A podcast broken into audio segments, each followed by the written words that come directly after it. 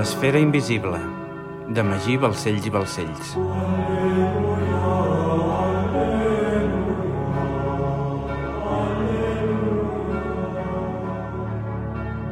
Capítol 16. Estructura vertical.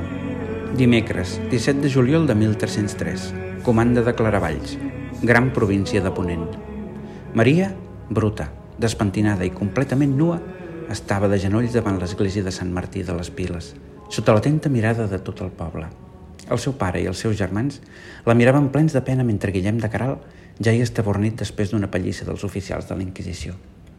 Després de dos mesos resclòs a les masmorres, de moltes tortures, preguntes, acusacions i judicis de Déu, estava demacrada, desnodrida, espantada i desesperada.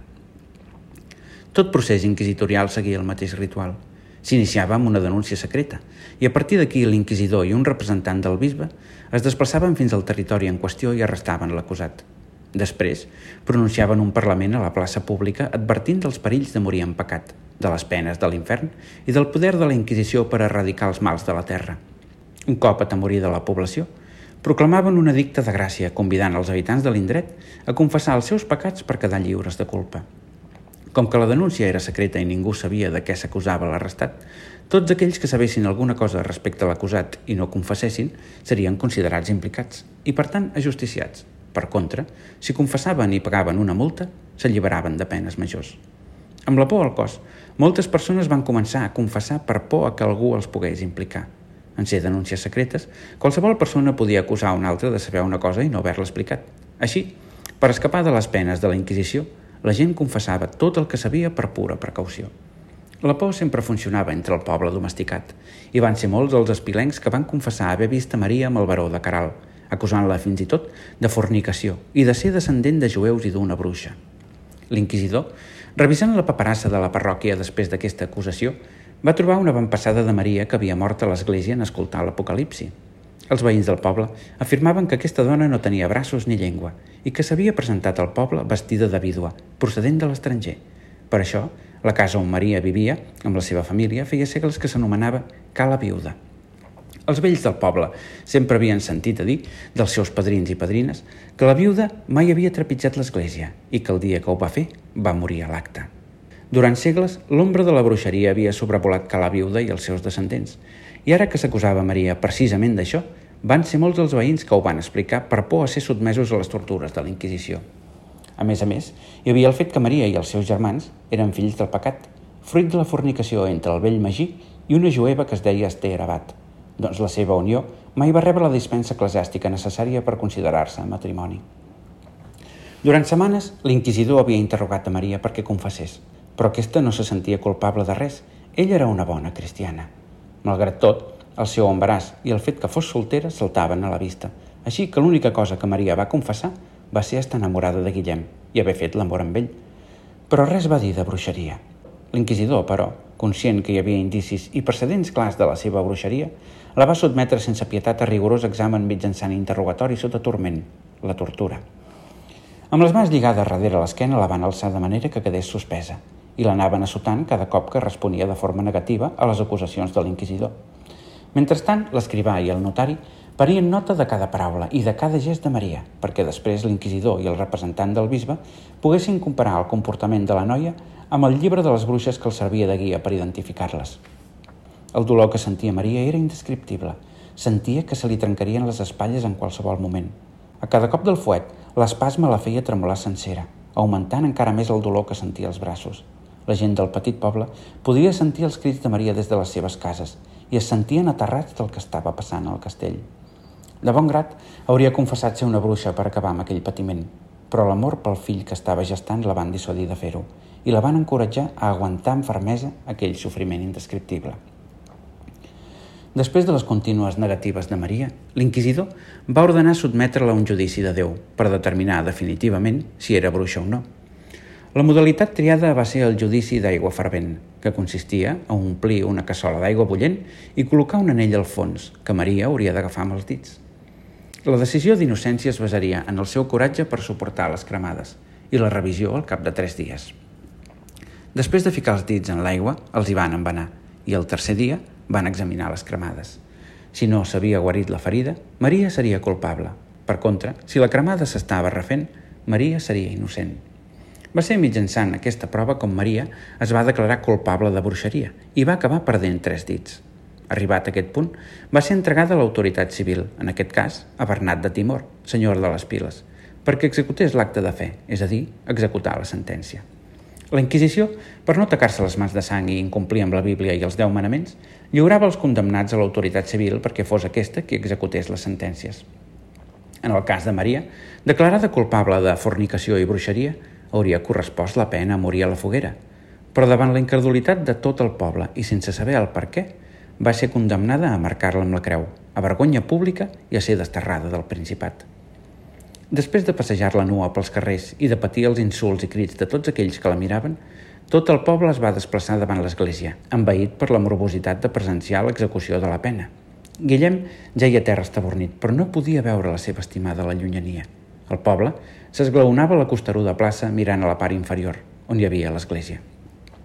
El butxí va agafar un ferro roent en forma de creu, i el va posar sobre el front de Maria. Aquesta va començar a cridar insofriblement i a tremolar sencera mentre el fum de socarrat sorgia del seu front. Obria la boca i semblava que els ulls li sortirien de les òrbites. Cridava fort, molt fort. De sobte, tot el poble es va girar mirant a Guillem i el va assenyalar, mentre el germà petit de Maria li somreia i li deia «Bell lloc, bell lloc, bell lloc». Guillem es va despertar espantat i desorientat. No sabia on era, estava suat i es bufegava. Sentia que feia setmanes que somiava el mateix de forma contínua i repetitiva. El judici de Maria, la imatge del ferro roent cremant-li i el germà petit de Maria dient bell lloc. Se li repetia una vegada darrere l'altra. És com si hagués estat somiant el mateix durant mesos. S'ha despertat! És un miracle! És un miracle! Aviseu el Suprem! va dir un home. Guillem ho veia tot borrós. Només distingia la silueta d'un home davant seu que no parava de fer-li preguntes. Maria, he d'anar a buscar Maria i el meu fill, deia Guillem, intentant aixecar-se, però no tenia forces. On sóc? A la comanda de Claravalls, va respondre l'home. Heu estat sis mesos patint un son profund fruit d'un naufragi. Un naufragi? va dir Guillem, confús. Recordeu com us dieu? li va preguntar l'home. Guillem de Caral i Anglesola. Soc el majordom del gran mestre de l'Orde del Temple. Com us trobeu? va preguntar el Suprem en entrar. Cansat, va dir Guillem. Recordeu el naufragi? li va preguntar el Suprem. Eh, no, no recordo res. Recordeu això? va preguntar el Suprem, mostrant-li la carta del gran mestre, la creu de gran custodi i l'espasa del pom solar. Guillem va mirar la carta del gran mestre fixament i, de sobte, la frase llatina en l'alfabet templer va ressonar en la seva ment. El gran mestre de l'ordre del temple autoritza el portador d'aquest document a retirar el tresor de la comanda de Patan. Va ser a partir d'aquí, rellegint el document, quan va començar a fer memòria. Va tancar els ulls i va començar a rastrejar la seva ment. A poc a poc, i en calma, el record va començar a fer-se més nítid. Es veia a ell mateix embarcant en el vaixell de la Rochelle, sense saber on es dirigia ni la durada del viatge. Només tenia un document del gran mestre, que parlava de la comanda de Patan, però no tenia ni idea d'on es trobava aquesta comanda. Ja sobre la mar, observant el rumb que prenia el vaixell des de que van sortir, Recordava que va deduir que s'estaven dirigint cap al sud-oest i que, passat un dia, van virar cap al sud. Malgrat que ell no era un home de mar, sempre li havia fascinat l'astronomia i la geografia i observant el moviment i la posició del Sol podia orientar-se amb total seguretat. Durant els dos primers dies de viatge estava segur que s'estaven dirigint a alguna comanda costanera del regne de Portugal, però passats quatre dies sense veure terra es va començar a inquietar. Devien estar bastant al sud del regne de Portugal. Portugal? va respondre el capità de l'embarcació a la pregunta de Guillem. I vos, sou el majordom del gran mestre? Allà on anem no existeixen regnes ni principats, només imperis caiguts i les comandes de la gran província de Ponent. La gran província de Ponent? va pensar Guillem. Mai havia sentit a parlar d'aquesta província. L'Orde estava dividida en 13 províncies i Guillem les coneixia bé. Xipre, Romania, Gran Bretanya, Alemanya Superior, Alemanya Inferior, Normandia, França, Aquitània Provença, Àustria Bohèmia, Llombardia, Sicília Pulla, Catalunya Aragó i Portugal Castella. La gran província de Ponent? va preguntar Guillem inquiet. Creuant el vast oceà hi ha la província més rica i gran de l'Orde del Temple, va respondre el capità. No es pot creuar l'oceà, és impossible, va afirmar Guillem. Sí que es pot, Però s'ha de saber com fer-ho. Cal aprofitar els vents elisis i el corrent oceànic. Per això anem direcció al sud fins a les illes afortunades. Després virarem a l'oest i creuarem l'oceà. Tranquil, no caurem pels marges de la Terra, va dir el capità rient. La Terra és una esfera. Ja sé que la Terra és rodona, va dir Guillem, enfadat. Guillem, com tots els homes privilegiats que havien tingut accés al coneixement, sabia perfectament que la Terra era una esfera. Havia llegit nombrosos textos que ho afirmaven mitjançant arguments molt plausibles. Si el Sol, la Lluna i tots els cossos celestes observables des de la Terra eren esfèrics, per què no la Terra? A més a més, la projecció de l'ombra de la Terra sobre la Lluna en un eclipsi lunar sempre dibuixava un cercle perfecte, amb independència de l'altura de la Lluna. Si la Terra fos un disc circular pla, mai es dibuixaria una ombra circular, es dibuixaria una elipse. Per aquest motiu estava convençut que en l'hipotètic cas que es pogués creuar el vast oceà des de Ponent, s'arribaria a Orient. Hipòtesi impossible, ja que segons les mesures de la Terra que havien fet els antics, l'oceà que separava Orient d'Occident era tan immens i gegantí que era impossible creuar-lo. Un vaixell no podia guardar les provisions d'aigua i menjar necessaris per fer la travessia. Qualsevol que ho intentés moriria de set enmig l'oceà. Els antics grecs havien comparat les ombres projectades sobre un mateix objecte durant l'equinoxi de primavera en llocs diferents. Mentre a Atenes es dibuixava una ombra de longitud determinada, a Alexandria es projectava una ombra més curta. Mesurant les ombres, podien obtenir un angle concret i, mesurant la distància entre Alexandria i Atenes, podien mesurar la circunferència de la Terra amb una senzilla regla de 3 i, per tant, les seves dimensions. Les matemàtiques eren infal·libles. Coneixent les dimensions de la Terra i dels tres continents, s'arribava a la conclusió que la major part de la Terra estava submergida i que un oceà gegantí separava Orient d'Occident. Eh, suposant que poguéssim creuar l'oceà, arribaríem a Orient i no a Ponent, va dir Guillem, fent gala dels seus coneixements. A Orient? va respondre el capità. Per arribar a Orient s'ha de crear aquest oceà, la gran província de Ponent, i després un altre oceà encara molt més gran. No pot ser, va dir Guillem, amb incredulitat. No heu sentit mai a parlar de la llegenda de l'Atlàntida? li va dir el capità. Guillem no donava crèdit a aquell despropòsit. L'Atlàntida? Impossible, pensava. Certament havia sentit a parlar de la llegenda de l'Atlàntida, però en tractar-se d'una simple llegenda mai li havia donat importància. Mai havia vist un mapa que dibuixés terra entre Occident i Orient.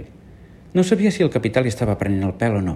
Volia pensar que no, ja que si l'Atlàntida no existia i s'estaven endinsant en el mar, seria una mort segura. Hi ha un immens continent enmig de l'oceà que va des del gèlid nord fins al glaçat sud. Una terra molt rica en minerals i història, li explicava el capità. No pot ser, deia Guillem amb incredulitat. Farem dues escales abans d'arribar. Pararem amb dues petites illes enmig del mar per carregar-nos de provisions i esperar el temps favorable. Primer pararem a les illes afortunades, després creuarem l'oceà fins a l'illa de Taí i finalment desembarcarem a la comanda Atlanta. Des d'allà fins a la comanda de Patan tindreu un llarg camí sobre terra ferma. Guillem no podia creure el que sentia i creia que tot era una farsa. Però, arribant al vuitè dia, a l'alba, va observar una figura blavosa flotant sobre el mar en direcció al sud. A mesura que s'acostaven, la imatge era més nítida. Sens dubte era terra. Diverses muntanyes molt altes i accidentades sobresortien del mar. Les illes tenien grans penya-segats poblats de matolls i semblava impossible poder desembarcar allà. No obstant això, després d'introduir-se enmig de l'arxipèlag, les aigües eren més tranquil·les i hi havia diversos ports naturals enclavats enmig dels penya-segats. Dirigint-se cap a l'extrem més occidental del grup d'illes, en sobresortia una de petita i a mesura que s'acostàvem, Guillem va poder albirar un port i una població assentada sobre la costa. Hi havia centenars de vaixells ancorats, tots amb el panó de la creu paté vermella. Sobre la costa, una petita ciutat construïda al voltant de l'església s'assentava de forma esglaonada sobre el vessant de l'accidentada illa. Un cop van desembarcar, el capità va conduir a Guillem fins a la comanda de la Fortuna i va mostrar el document del gran mestre. Immediatament va ser conduït fins a les dependències del preceptor, qui en veure la creu de gran custodi i l'anell va respondre a totes les preguntes de Guillem. Eh, benvingut a les Illes Afortunades. El gran mestre ja m'havia informat de la vostra arribada, va dir el preceptor, mentre desplegava un gran mapa de la província de Ponent. Guillem observava bocabadat l'extensió d'aquell gran continent. Al nord, i al sud hi havia dos grans cossos de terra que es trobaven units entre si per una estreta i allargassada llenca irregular de terra. Era molt més gran que Europa i devia ser amb tota seguretat el segon continent més gran del planeta. Com pot ser que ningú en sàpiga res d'aquest continent? va preguntar Guillem. Els fonaments i el poder de l'Església trontollarien si el món ho conegués. Aquest continent és l'autèntic bressol de la humanitat, va contestar el preceptor. És un dels secrets més ben guardats de l'Església, i així ha de seguir sent fins que l'ordre del temple no hagi complert amb la seva missió. Guillem estava fora de si. El preceptor li va explicar que la gran província de Ponent ocupava precisament el centre d'aquell continent, és a dir, la part més estreta, i que el nord i el sud estava habitat per tribus primitives que feien vida entre les ruïnes d'un vast imperi prehistòric. El preceptor li va explicar també quina seria la ruta que hauria de seguir fins a arribar a la comanda de Patan. Quan el vent i els corrents marítims fossin favorables, hauria de tornar a embarcar per arribar, després de 11 dies de viatge, fins a la comanda de Claravalls, en la petita illa de Taí, molt propera al continent. Després, hauria de tornar a embarcar, creuant un gran arxipèlag banyat per aigües baixes i clares, introduir-se en un golf gegantí i creuar-lo fins a arribar a terra ferma. Un cop a terra, hauria de fer un llarg viatge seguint la caravana templera del Plata, parant en diverses comandes, creuant planes, muntanyes i deserts per arribar, finalment, a la comanda més occidental de l'Orde del Temple, la comanda de Patan, on hi havia la mina de plata més gran del planeta. Uns dies després, quan havien descansat i el vaixell tornava a ser ple de provisions, van reprendre el viatge. Malgrat que el fred era molt intens, la travessia transcorria en calma i no patien problemes amb el vent ni amb la pluja. Tot transcorria amb normalitat. Guillem aprofitava per llegir durant el dia, ajudava la tripulació en tot el que podia i tot sovint esperava al costat de la barana de vaixell per contemplar la immensitat de l'oceà. Una nit, Arribant al desè dia de viatge, que només faltaven unes hores per arribar a Claravalls, una espessa boira va caure sobre seu. La tripulació va despertar el capità perquè prengués les mesures oportunes per no perdre el rumb, i aquest es va vestir i va sortir a la coberta. Però de sobte, una gran sotregada va fer tremolar tota la nau, i en pocs segons, un gran pal corcat va caure sobre la coberta del vaixell. És un vaixell a la deriva! Hem xocat contra un vaixell! va començar a cridar un membre de la tripulació. Guillem, que havia caigut de la llitera amb el xoc, es va aixecar atemorit, observant espantat que entrava aigua per un dels laterals del vaixell. Va pujar a la coberta amb rapidesa i, en sortir, va veure que el caos s'havia apoderat de la tripulació sencera. El vaixell s'enfonsava per minuts i molts dels membres de la tripulació resaven de genolls mirant al cel, mentre d'altres encenien grans torxes per intentar avisar la comanda de Claravalls. Quan la coberta de la nau va arribar a la superfície de l'oceà, tots els homes miraven d'enfilar-se cap als pals de les veles, però aquests, amb l'impacte, havien quedat molt malmesos. Guillem va sentir cruixir la fusta, es va girar i va veure com un gran pal s'acostava cap a ell. Després d'això, un llarg i profund somni del judici inquisitorial de Maria i el germà petit de la seva estimada repetint les paraules ben lloc, una vegada rere l'altra, durant mesos. Això era tot el que recordava. Tots els homes de l'embarcació van morir excepte vos, li deia el Suprem, després de les explicacions de Guillem. Us van trobar inconscients sobre una fusta que flotava en el mar. Podeu donar gràcies a la providència i als homes que van encendre el foc per avisar. Jo us esperava a la comanda Atlanta i davant el retard, quan vaig saber que havia naufragat una embarcació, vaig venir fins a Claravalls. Vos sou el Suprem? va preguntar Guillem. Efectivament, va dir mostrant-li un anell amb la inscripció Fideli d'Amore. Jo sóc el mestre suprem dels Fideli d'Amore. I dieu que he estat sis mesos inconscient? va preguntar Guillem. Així és, va respondre el Suprem. Eh, quin dia és avui? va preguntar Guillem. 17 de juliol de 1303, va respondre el Suprem. Eh, no pot ser, he perdut molt de temps, va exclamar Guillem, intentant alçar-se. He de seguir amb el meu viatge, tranquil.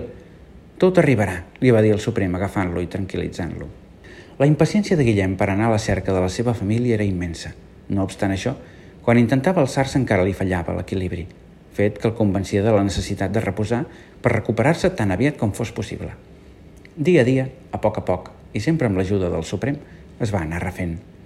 Reposat en el seu llit, el Suprem l'instruïa i el preparava per l'impacte que representava la vista de les ruïnes de l'Atlàntida per primera vegada. Superen en molt qualsevol construcció que hàgiu vist fins ara, advertia el Suprem. Guillem intentava assimilar tota aquella informació amb un punt d'incredulitat, però conscient que si el Suprem l'advertia de forma tan continuada, devia ser per alguna cosa. A mesura que Guillem s'anava recuperant, la seva confiança en el Suprem creixia, així com les ganes d'anar a buscar la seva família, fet que li donava forces i accelerava la seva recuperació. Quan va començar a menjar i a beure sol, no va passar ni una setmana que ja es va poder alçar del llit. Caminava recolzat en un bastó i dia a dia sortia a fer un tom perquè li toqués el sol. Traia forces d'on no en tenia per proseguir amb el viatge. Pensava en Maria i en Guillem constantment. Havia d'anar a buscar-los. Pensava també en la seva filla Beatriu. Esperava que hagués rebut la carta. Els seus passejos cada dia eren una mica més llargs. Va deixar d'anar amb bastó i passat un mes i mig estava plenament recuperat. Amb les 50.000 lliures va adquirir una nau i una tripulació i va poder tornar a llançar-se a la mar totalment refet d'aquell infortuni, acompanyat en tot moment del Suprem, qui havia d'explicar-li els secrets de l'Atlàntida i conduir-lo fins al tresor de Patan i la seva família. El capità de l'embarcació era un home vell que havia realitzat aquell trajecte centenars de vegades, durant més de 30 anys, havia tripulat una nau que transportava plata des de la comanda Atlanta fins a la de Saragassos, així que coneixia aquell indret a la perfecció. Hi havia 11 dies de viatge fins a la comanda Atlanta, si tot anava sobre el previst. Sortint de Claravalls van vorejar l'illa en direcció al nord-est i es van endinsar entre l'arxipèlag. Eren un grup d'illes molt planes, properes entre si i amb aigües poc profundes i clares. Guillem mai havia vist unes platges com aquelles. La sorra era blanca i l'aigua turquesa era cristal·lina. El fons marí estava ple de coralls i algues acolorides, freqüentades per centenars de peixos de colors. Era impressionant. Hi havia moltíssimes illes, algunes de diminutes. Les anaven esquivant intentant navegar per les aigües més profundes. Després de dos dies, davant seu, en direcció al nord, va sorgir una extensa llenca de terra plana. L'Atlàntida, va dir el Suprem, assenyalant-la. Ja hi som? va preguntar Guillem. No, això és una península que sobresurt del continent Ara virarem a l'oest i creuarem un gran golf. Però estigueu atent, perquè a l'entrada del golf veureu una cosa increïble, li explicava el Suprem. Al cap d'unes hores, a l'horitzó de Ponent, sobre el mar, va aparèixer un punt lluminós que semblava com un sol més petit. Guillem ho mirava encuriosit. A mesura que s'acostaven, el punt lluminós s'alçava cada cop més sobre l'horitzó i just per sota s'observava una estructura vertical verdosa que cada cop era més alta. Era impressionant. Semblava que no hi arribaven mai. El vaixell es movia amb rapidesa per sobre l'aigua, però aquella estructura continuava estant molt lluny i, a més a més, cada cop era més alta. Devia ser immensa.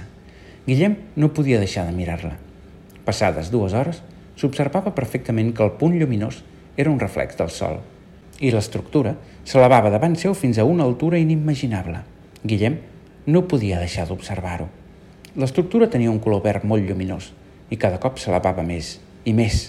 Guillem va pensar llavors que allò era una prova més de l'esfericitat de la Terra.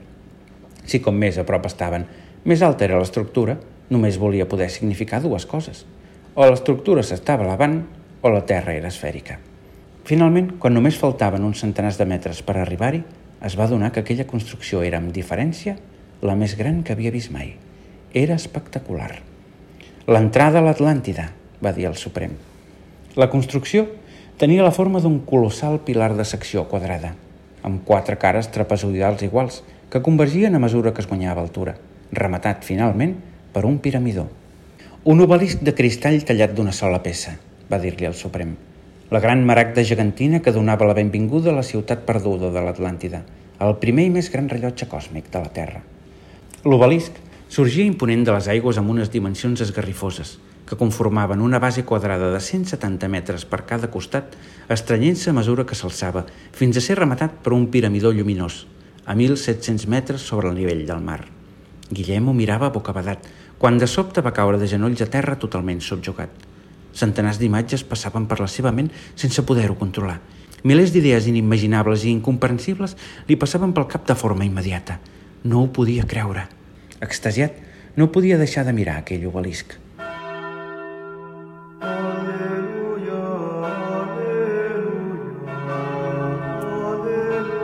L'esfera invisible, de Magí Balcells i Balcells. Alleluia.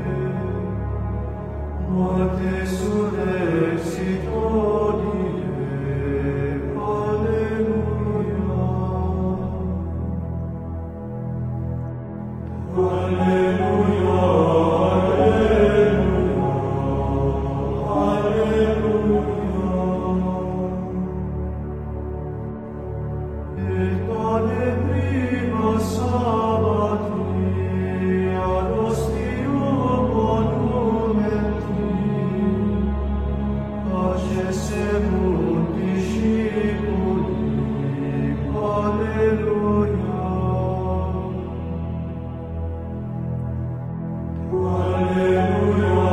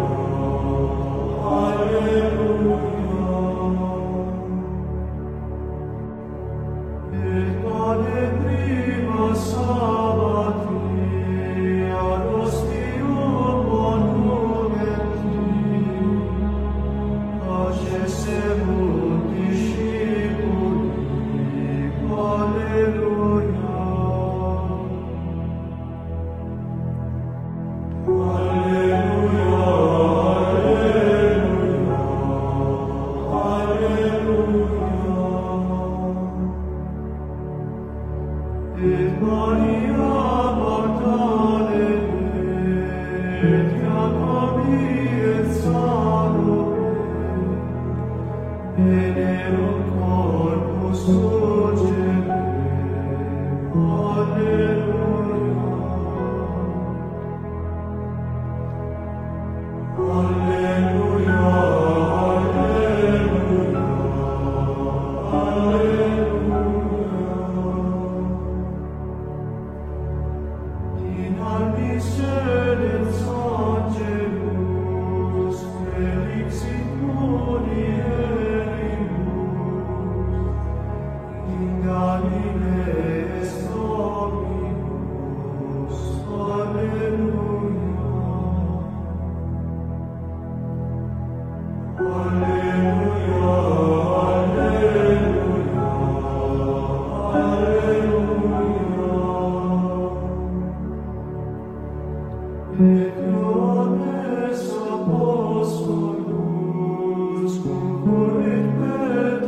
you.